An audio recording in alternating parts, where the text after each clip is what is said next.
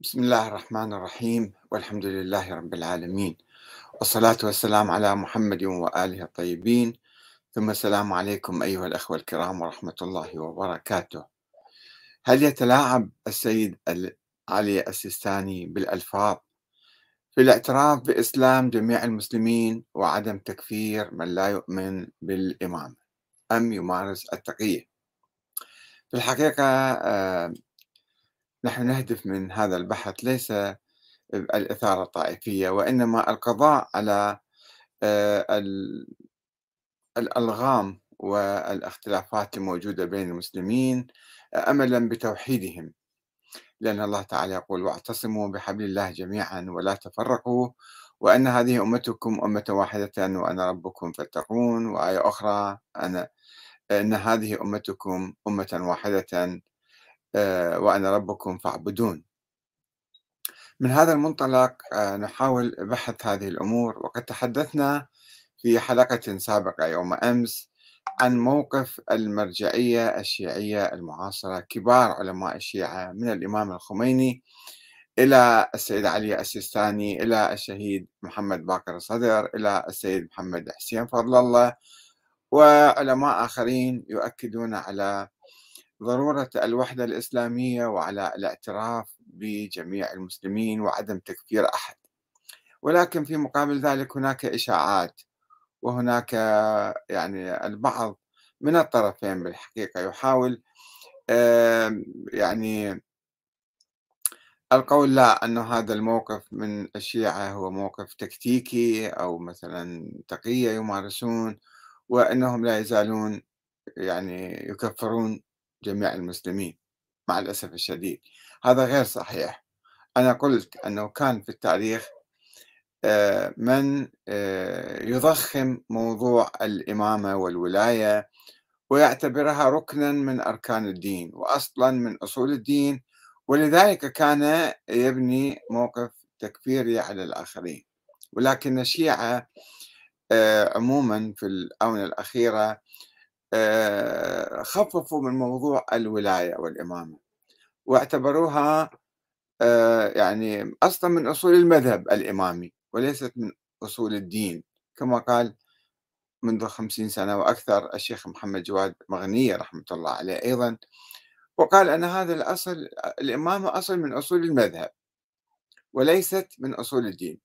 وحتى الآن السيد السيستاني نقلنا آه، كلامه وفتواه الصريحة بهذا الموضوع أنه يقول لا لا نكفر من لا يؤمن بالإمام وهي آه، مسألة آه، داخل الشيعة في الحقيقة. وأيضا أنا علقت على ذلك قلت أن الشيعة اليوم هم يعيشون في ظل الشورى في ظل النظام الديمقراطي أو الأنظمة الديمقراطية المختلفة حتى ولاية الفقيه. ولاية الفقيه ليست نظرية إمامية بالعكس مضادة 100% لنظرية الإمامة. يعني لا تشترط العصمة في الإمام في الحاكم يعني ولا النص عليه ولا السلالة العلوية الحسينية كما كان يقول الإماميون قبل ألف عام. كما قال الشيخ المفيد الذي أسس المذهب الاثني عشري قبل ألف سنة في القرن الرابع الهجري والخامس الهجري. فإذا هناك تطور واقعي وعملي عند الشيعة اليوم لا يعتقدون أن الإيمان بالإمامة هذا يشكل فارقا بينهم وبين الآخرين. إنما الآن هم كلهم منخرطين آه، شيعة وسنة في الأنظمة الديمقراطية. إذا فلا يعني لا معنى لهذا الخلاف التاريخي القديم. ولكن تطلع بعض التصريحات من هنا وبعض التصريحات من هناك. هناك ناس متربصون بالطرفين بالسنة والشيعة يحاولون تضخيم هذه آه، مواد الخلاف التاريخية وبالتالي تكفير الشيعة أو تكفير السنة. شوفون بعض القنوات الفضائية اللي تصدر من هنا وهناك وبعض الناس اللي هدفهم محاصرة الشيعة وضربهم و آه، يقول هؤلاء تكفيريون مو بس السلفيون آه، تكفيريون إنما الشيعة أيضا. مو فقط الوهابية يكفرون عامة المسلمين أو الشيعة لا الشيعة أيضا يكفرون بقية المسلمين. هذا مو صحيح. هذا ما نريد أن نتجاوزه إن شاء الله. ويعني نحل هذه العقد الموجودة في الساحة. كما قلت لكم يوم أمس أنا تحدثت عن موقف المرجعية مراجع الشيعة الكبار المعاصرون يقولون أن هذا مو مو قضية. الإمامة ليست يعني من لا يؤمن بالإمامة ليس كافرا. ولكن قديما وحديثا يوجد من يقول بأنه نعم نحن نعترف بإسلام جميع المسلمين وحتى جميع المذاهب الشيعية لأنه التكفير كان لا يخص المسلمين فقط وإنما يخص حتى الشيعة الذين لا يؤمنون بأحد من الأئمة كما قال الشيخ المفيد فهو كافر. الشيخ المفيد هذا كان متطرف جدا في الحقيقة مع الأسف الشديد أن كثيرا من علمائنا حتى اليوم مقلدوه وماشيين على طريقة. كان يقول من لا يؤمن بالإمام الثاني عشر المهدي المنتظر اللي هو محل جدل عند الشيعة إيه هذا كافر؟ متطرف وهذا تطرف في الحقيقة. ولكن آه، يعني وكان يكفر الزيدية ويكفر الإسماعيلية ويكفر كل من لا يؤمن بالإمام الثاني عشر حسب عقيدته. قلت أنه إحنا تجاوزنا الآن إحنا نحن في القرن الواحد والعشرين أو القرن الخامس عشر الهجري وقد تجاوزنا كل هذا الخلاف التاريخي اللي كان قبل 1300 آه، 1400 سنة. ولكن آه، بعض الأخوة ردوا علي أحاول أن أناقشهم وأبين المشكلة وين يعني في الحقيقة. آه، وماذا نحتاج لكي نتجاوز بصورة قوية هذه الفتنة التاريخية. كتب أحد الأخوة ردا علي في الفيسبوك اسمه مرتاو ميرزا. يقول فتوى السيستاني غير صريحة بل تلاعب بالألفاظ واقعا يعني ظاهرا. وهم من قبل السيستاني يعتبرون أهل السنة مسلمين غير مؤمنين كما نزلت الآية في الأعراب قل لم تؤمنوا لكن قولوا أسلمنا. مراجع الشيعة يعلمون جيدا إذا أسقطوا الإيمان بالإمامة من أصول الدين سقط التشيع. ولهذا السيستاني يتلاعب بالألفاظ. يقول نفس الكلام القديم صيغة بطريقة جديدة لأن السؤال الأهم هل منكر الإمامة هو عند الله مؤمن أم لا؟ هذا يحدد الموضوع بدقة أكثر. يعني يوم القيامة كيف يعد من أنكر الإمامة؟ هل من الكفار تماما؟ كمن أنكر الصلاة أم فقط مسلم مؤمن؟ ولكن ارتكب ذنبا. هنا السؤال. سؤال شوي دقيق ولطيف أيضا. فعلا بحاجة إلى جواب. يعني كل الذين يقولون بأن الإمامة ليست من أصول الدين يعني مراجع الشيعة المعاصرين آه، هم يقولون ذلك أيضا. يقولون لا اللي ما يؤمن بالإمامة هذا يروح للنار بعدين. صحيح أن نعامله كمسلم ونتزوج نتزاوج وياه مثلا أو نحترمه نصلي عليه كل شيء ولكن هذا يبقى يوم القيامة يروح للنار. طبعا هذا اللي يروح للجنة ويروح للنار هذا علمه عند الله تعالى ما يصير إحنا نقول هالكلام إلا بعض الناس يقولون شو نسوي لهم. وفي الحقيقة أنا سويت بعض الجولة على مواقع السيد السيستاني. يعني عنده لما تفتحون مكتب السيستاني يطلع لكم موقع مثل مركز الدراسات التخصصية في الإمام المهدي ويدير شخص اسمه السيد محمد القبنشي. أخو سيد صدر الدين وسيد كذا. آه، وأيضا مركز الأبحاث العقائدية أيضا موجود في مكتب موقع مكتب السيد السيستاني. وفي كلام مناقض لكلام السيد السيستاني. هسه بدرجة أخف ربما ولكن يعني بالتالي آه، يحافظ على المشكلة قائمة لا يحلها. ونحن نحاول أن ننظر في هذه الآراء والفتاوى ونشوف آه، شلون يمكن نتجاوزها.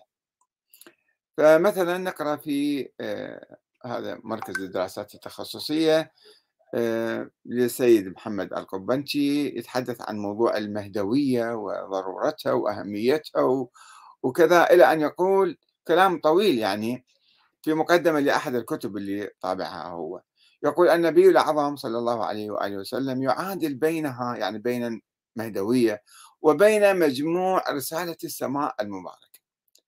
فقد ورد عنه صلى الله عليه وسلم ورد عنه من أنكر القائم من ولدي فقد أنكرني. بل يمكن القول بأن عدم الإيمان بهذه العقيدة يوازي عدم الإيمان بكل رسائل الأنبياء. وهو الذي عبر عنه بالضلالة عن الدين. فقد ورد في الدعاء في زمن الغيبة اللهم عرفني نفسك فإن لم فإنك إن لم تعرفني نفسك لم أعرف نبيك. اللهم عرفني رسولك فإنك إن لم تعرفني رسولك لم أعرف حجتك. اللهم عرفني حجتك فإنك إن لم تعرفني حجتك. ضللت عن ديني. ومن أوضح الأمور ويعلق عليها نوع العلاقة والارتباط بين عدم معرفة الحجة وبين الضلالة عن الدين إذ أن هناك ثوابت ورواسخ لا يمكن أن تنفك بحال من الأحوال عن قاموس الفكر العقائدي الشيعي بل الإسلامي بكل أطيافه. منها أن الذي يموت دون أن يعرف إمام زمانه أو دون أن تكون في عنقه بيعة لإمام زمانه يموت ميتة جاهلية كما ورد في الأحاديث الشريفة التي تناقلها المحدثون من الطوائف الإسلامية كافة وأي تعبير أفصح وأصرح من التعبير بالميتة الجاهلية عن بيان الضلالة في الدين. طبعا هذا الأخ السيد محمد القبنشي اللي يدير هذا المركز ومركز الدراسات التخصصية. مع الأسف الشديد عناوين غير دقيقة يعني. يعني المفروض فيه يكون شوية يجتهد بالأحاديث وبالكلام اللي يقوله يدقق ويجتهد ويتعمق. ورد عنه صلى الله وين ورد يا كتاب مثلا مدى صحة هذا الحديث؟ من هو القائم اللي, اللي ينكره؟ وشلون ربط بين إنكار هذا القائم؟ فد واحد يقوم من من ولد النبي وإذا واحد أنكره أو ما اعترف به راح ينكر النبوة وينكر رسالات الأنبياء السابقين. بهالطريقة هذه من أنكر القائم من ولدي فقد أنكر من هو القائم؟ خمسين ألف واحد قائم طلعوا. قديما وحديثا وسوف يخرجون. فشلون النبي يربط؟ وهل هذا مفهوم قرآني؟ يعني إحنا لازم نرجع للقرآن. أول شيء حتى القضية نرفعها إلى مستوى العقيدة نأخذها من القرآن مو من ورد كذا ثم آه، ورد في الدعاء عن في زمن غيبه يا دعاء من جابه؟ من كتبه؟ من حطه؟ شنو قيمته شنو مصدره؟ من رواة؟ وشنو ارتباطه بالقرآن؟ هل يتفق مع القرآن؟ يتناقض مع القرآن؟ شنو هالربط هذا؟ إن لم تعرفني حجتك لم أعرف آه، ضللت عن ديني. من قال لك ضللت؟ من هو الحجة؟ وين أكو حجة بالإسلام بعد القرآن؟ هذا كله يحتاج بحث. ويحتاج اجتهاد. ولكن الجماعة حسب ما مكتوب قديما في الكتب يجون يصفطون. وأيضا الحديث الأخير يستشهد فيه أنه من مات آه، دون أن يعرف إمام زمانه أو دون أن تكون في عنقه بيعة لإمام زمانه يموت بتة جاهلية وهو وين الإمام حتى أنت تبايعه؟ إمام ما موجود موهوم غير مولود. أنت مفترضة في ذهنك وقاعد تكفر الناس على ضوءه اللي ما يعرف هذا الإمام وما يبايعه وما ي... ماكو بعنقه بيعة. شلون تبايعه شلون بايعت الإمام أنت؟ بس الإمام مو موجود أصلا ولا ظاهر. كيف بايعته؟ ماذا تعني البيعة؟ وشنو ربط المسألة بالموت الجاهلية؟ وين أكو هاي الفكرة بالقرآن؟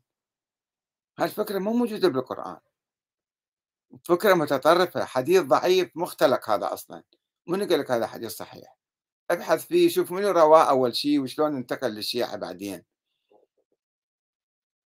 يعني هذه أحاديث أخبار آحاد نسوي عليها مواقف بعدين وعقائد ونرفعها ونضخمها إلى مستوى آه، أصول الدين مثلا. فهذا الأخ السيد محمد القبنشي حفظه الله. المفروض يعني شوية يدقق بالأمور يعني أول شيء ياخذ الأفكار من القرآن. ويعرض الأحاديث الجاية على القرآن. فإذا ما كانت تتفق مع القرآن أو تتطابق معه ما يأخذ فيها. مسوي له مركز دراسات تخصصية وحوالي 800 كتاب طابع حتى الآن مناشر بلغات عديدة عربية وفارسية وإنجليزية وأردية ولغات أخرى ويصرفوا ميزانية ضخمة جدا بدون رقيب ولا حسيب ويطبعون كتب. 100 كتاب هو المركز طابع و 700 أو 600 وكسور كتاب آخر و99 ما أدري إيش قد من كتب أخرى طابعينهم الناس. طيب وين ثم ماذا؟ وين النتيجة؟ شنو نتيجة كل الأبحاث؟ نصل إلى جماعة أصحاب القضية يصيرون بعدين. يعني ما في ما في إمام ظاهر، ما في إمام مهدي حتى يهدي الناس أو يرشدهم أو يقودهم أو يقيم دولة لهم، فكل هذا الكلام عبثي. كلام عبثي ومتطرف ويؤدي إلى التطرف أيضا. هذا سيد محمد. خلينا نشوف مركز الأبحاث العقائدية أيضا. هناك أيضا مركز تابع للسيد مكتب السيستاني اسمه مركز الأبحاث العقائدية. ما أعرف منه يشرف عليه ما كاتبين. وما كاتبين من يرد؟ ردود كل واحد تجيهم أسئلة ويردون. من أقرأ لكم بعض الأسئلة. حكم منكر الإمامة. السؤال حميد من العراق ما حكم منكر الإمامة؟ أقصد إمامة أمير المؤمنين علي عليه السلام. يجاوب الأخ بد واحد مجهول قاعد يجاوب باسم السيستاني يقول لأن من أنكرها عن علم ومعرفة جاحدا بها كافر عند الله يوم القيامة. مخلد في النار وأما في الدنيا فمسلم غير مؤمن محقون الدم والمال.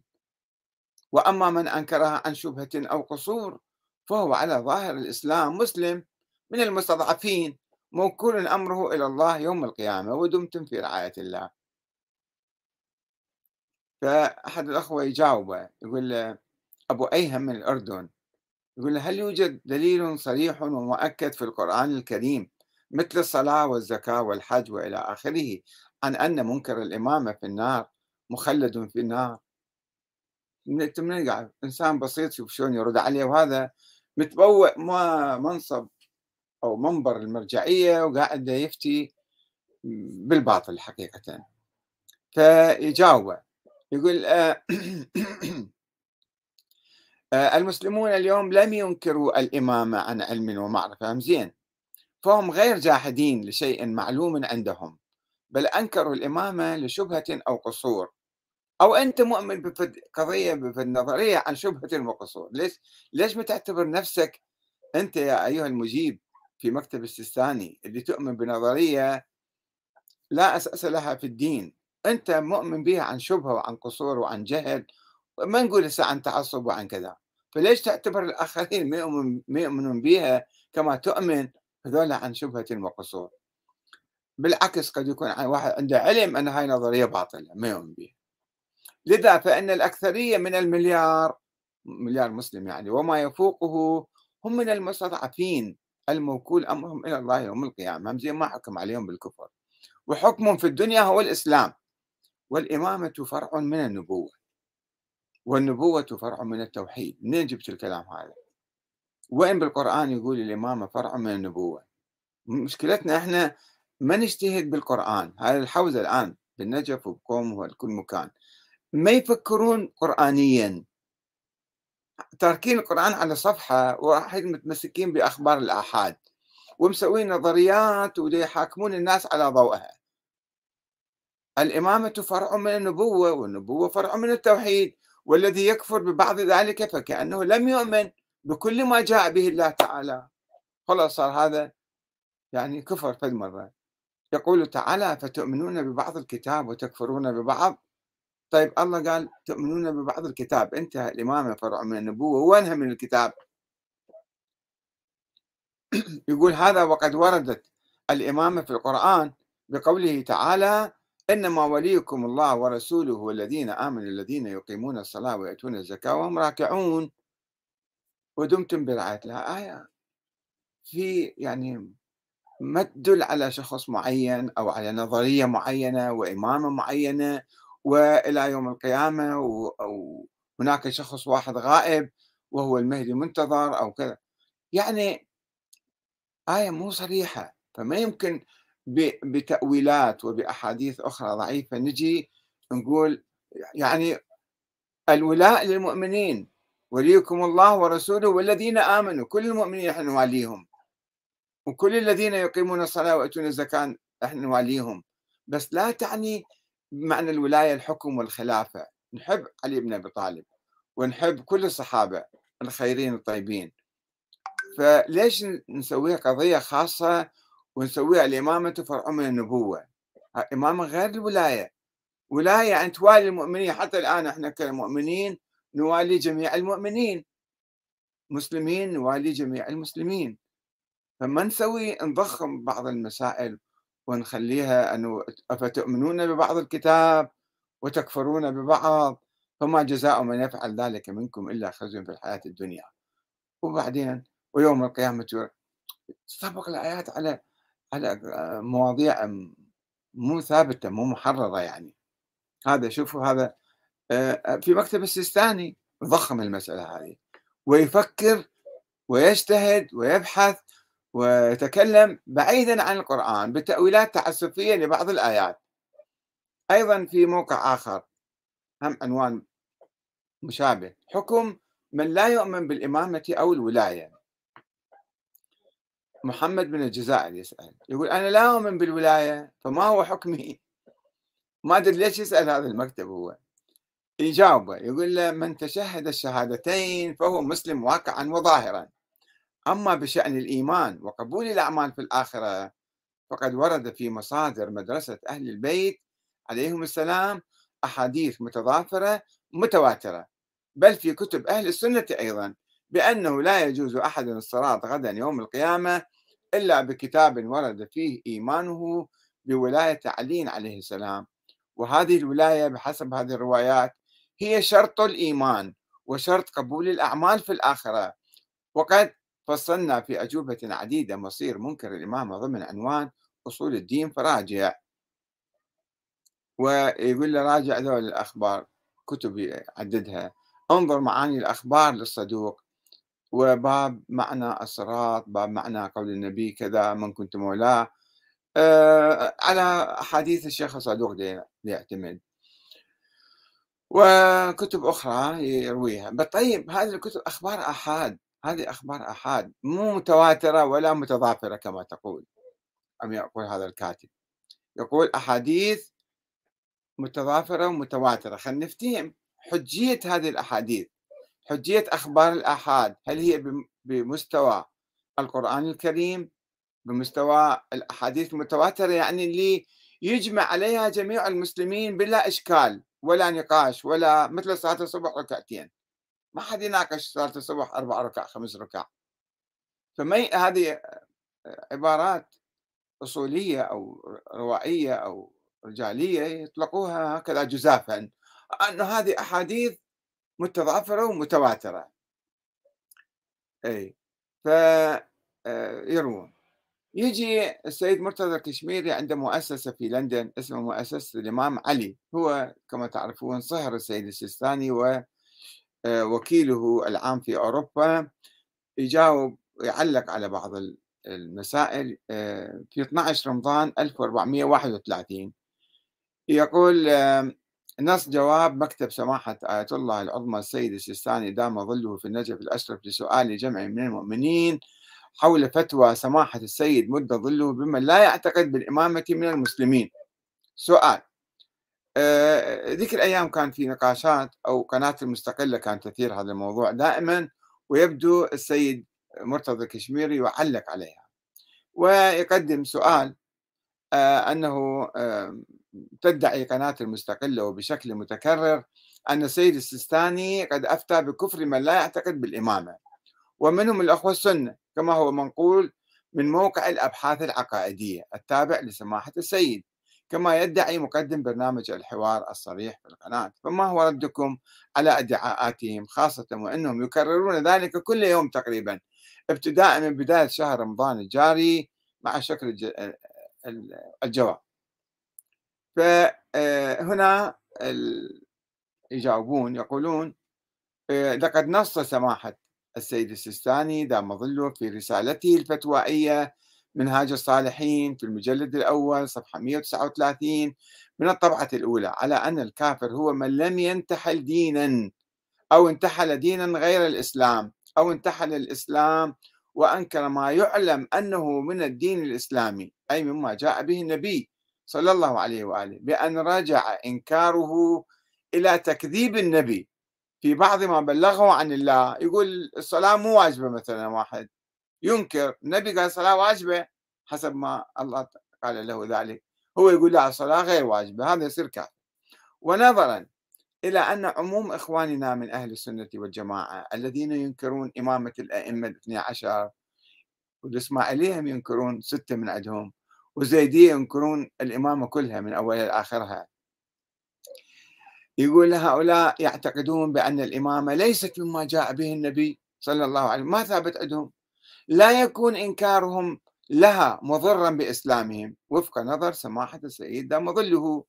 وهذا واضح من خلال سائر فتاوى سماحته ومنها حكمه بوجوب الصلاة على جنازة المسلم وإن كان مخالفا في المذهب.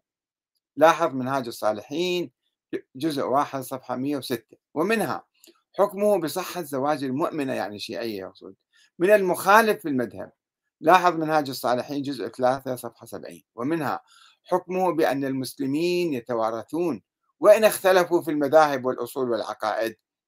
أيضا في نفس منهاج الصالحين جزء 3 صفحة 323 وبالجملة أن كل مطلع على فتاوى سماحة السيد يعلم أنه يرى أن عامة أهل السنة والجماعة هم من المسلمين الذين تحقن دماؤهم وتحترم أموالهم ويثبت لهم سائر الأحكام المختصة بالمسلمين وقد صدر قبل أعوام بيان بشأن ما أثير في بعض الفضائيات.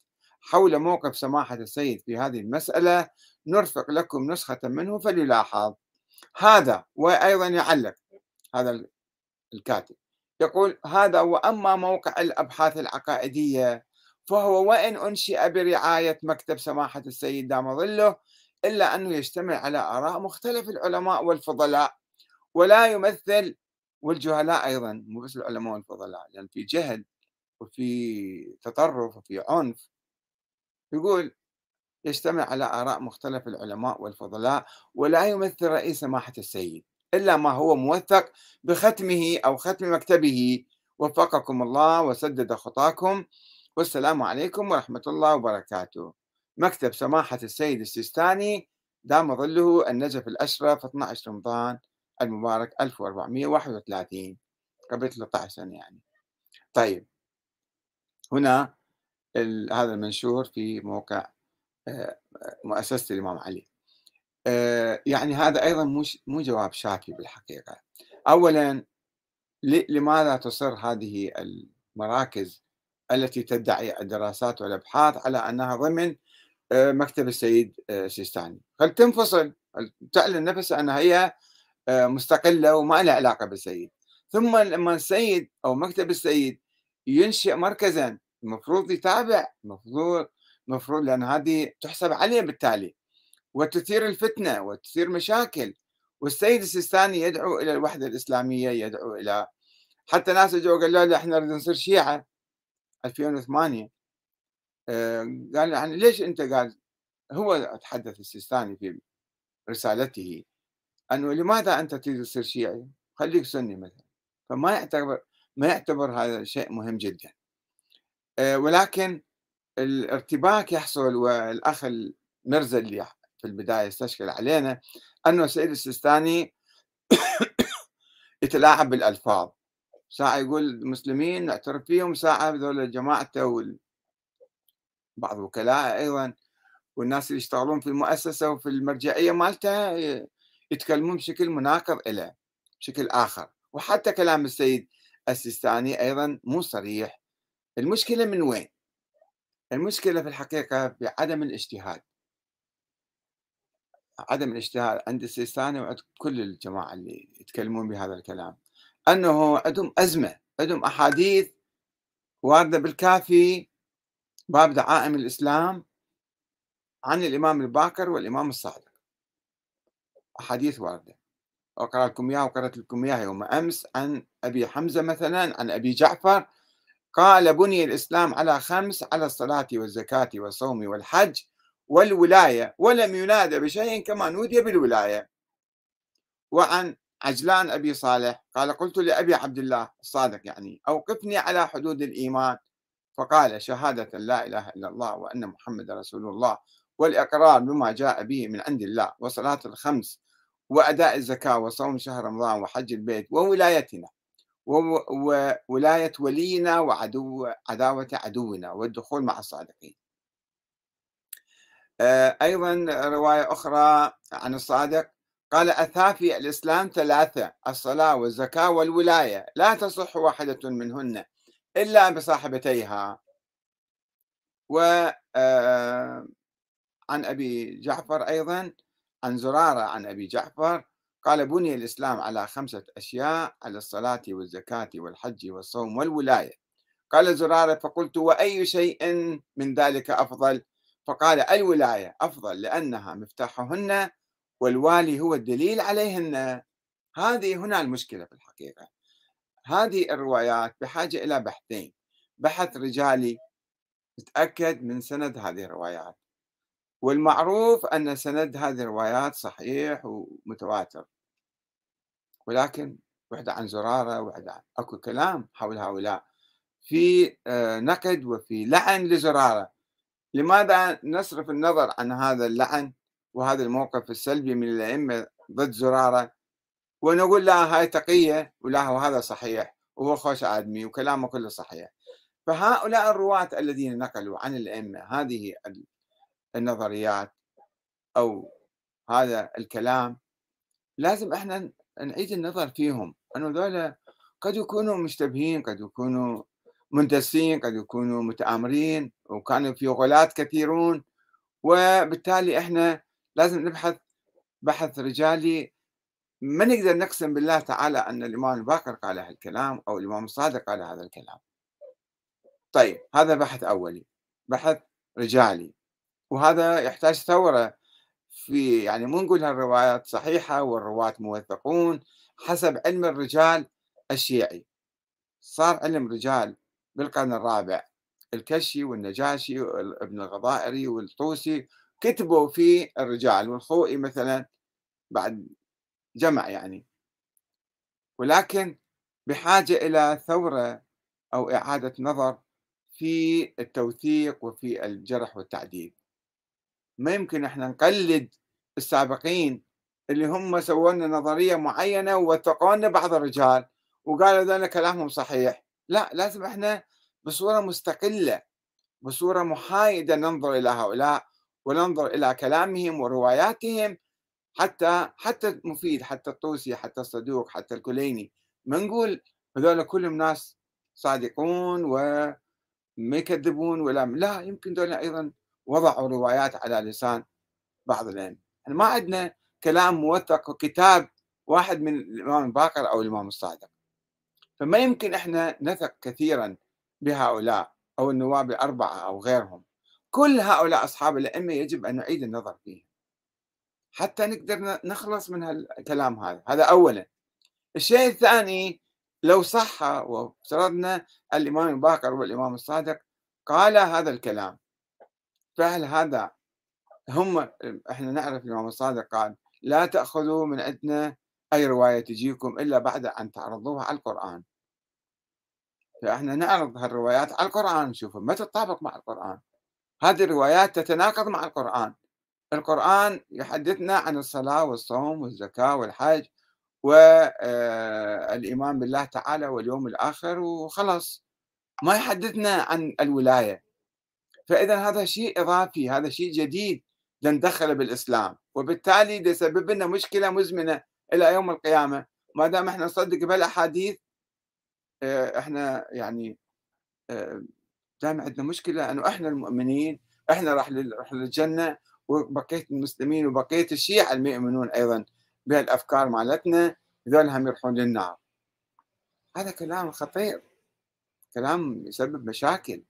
ودائما عندنا يعني يفرق المسلمين بالحقيقة ويحصر الشيعة ويعزلهم ويكفر يعني الناس بعضهم يكفرون ويقولون أنتم شوفوا عندكم دين جديد صار.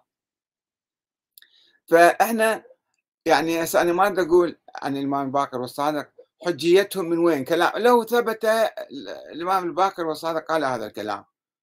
فهم مو أنبياء حتى نأخذ كلامهم. مو أنبياء هم.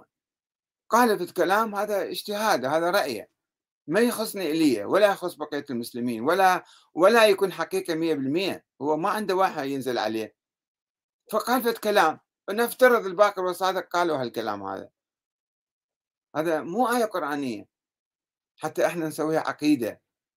هذا كلام رأي اجتهاد. سواء صحيح أو خطأ كان. هذا اجتهاد. وين بعدين الولاية وينها؟ الإمامة وينها؟ هذا الكلام كان في أيام كان في تنافس بين القيادات الشيعية أبناء علي أبناء فاطمة أبناء الحسن أبناء الحسين كانوا يقولون هالكلام هذا. ضمن صراعات كانت موجودة. طيب راحوا كلهم راحوا الآن مو موجود. كيف يمكن أن نواليهم؟ كيف نطبق الولاية اليوم؟ فقط نعتقد أن هم كانوا آه، أئمة معينين من قبل الله وخلص راح نطب الجنة. إحنا يعني الله سبحانه وتعالى ينسى أعمالنا وما يشوف إحنا إيش نسوي بالدنيا هنا. فقط لأنه إحنا آمنا بنظرية معينة أن هؤلاء آه، كذا واليناهم وإحنا قبل راح نروح للجنة. والبقية الناس اللي ما يؤمنون بكلامنا راح يروحون للنار. إحنا المؤمنين وبقية الناس مسلمين مو مؤمنين. والله يحاسبهم يوم القيامة. مثل ما شفتوا بالروايات الجايبيها الجماعة اللي في مركز الأبحاث العقائدية ومركز الدراسات التخصصية ومركز ما أدري شنو جايين دا يدخلون الناس بالجنة ويدخلون الناس بالنار. الله ما يقبل أعمالكم إذا ما آمنتوا بالإمام شنو هالكلام هذا؟